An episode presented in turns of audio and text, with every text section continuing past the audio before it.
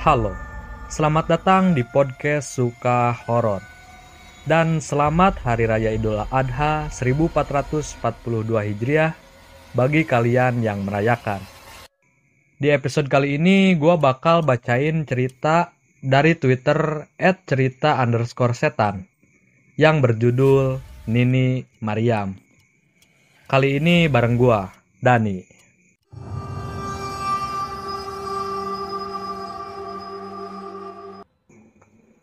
Di sebuah dusun, tinggal seorang nenek dalam kesendirian, tanpa teman, anak, serta sanak saudara. Nenek itu bernama Mariam, tapi warga sekitar dusun biasa memanggilnya dengan Nini Mariam atau Nini Iam. Di usia senjanya, Nini masih melakukan perbuatan yang menjadi salah satu larangan umat Islam, yaitu menyekutukan Allah. Nini Mariam, pemuja aliran iblis. Nini Mariam merasa dirinya hebat, kuat, dan mampu dengan segala kekuatannya. Bahkan ia memiliki beberapa murid yang juga seperti dirinya, yaitu pemuja iblis. Nini Iam sungguh terkenal dengan ilmu yang ia hasilkan, yaitu ilmu penguasa hitam pemakan ari-ari bayi. Ilmu itu tak bisa membuat ia terbunuh. Bahkan, membuat para dukun di sekitar dusun itu takluk padanya. Walaupun ia hanya seorang nenek-nenek tua. Di setiap malam Jumat Kliwon, Nini Iam selalu melakukan ritual memakan ari-ari bayi yang baru lahir, agar kekuatan ilmu hitam tak memakan dirinya. Begitulah syarat yang mengikat dari pemujaan iblis. Untuk mengetahui di mana ia harus mencuri ari-ari bayi, ia mengutus seekor cicak untuk mengetahui keberadaan orang yang sedang hamil.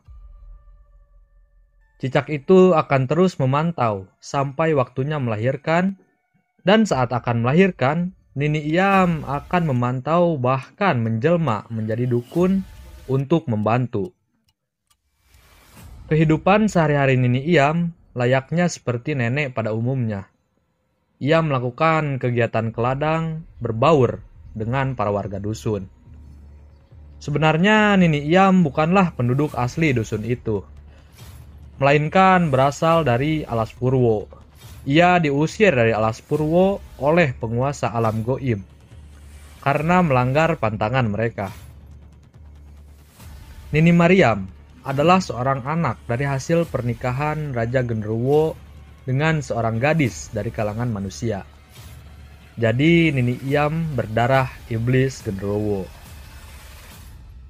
Pantangan yang ia langgar dari kerajaan goib yaitu memakan bangkai ibunya sendiri.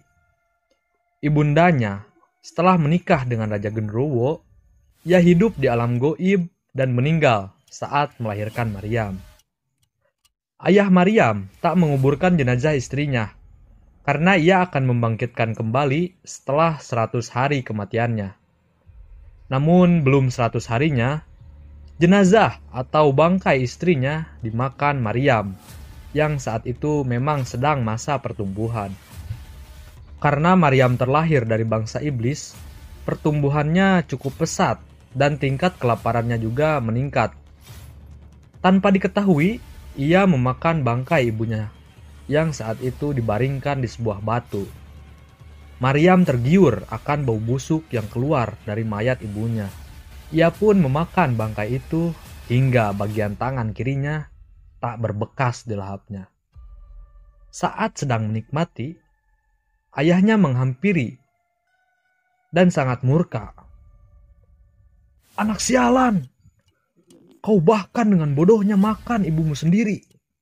Pergi, tinggalkan kerajaanku. Ucap Raja Genderuwo yang tak lain adalah ayahnya sendiri.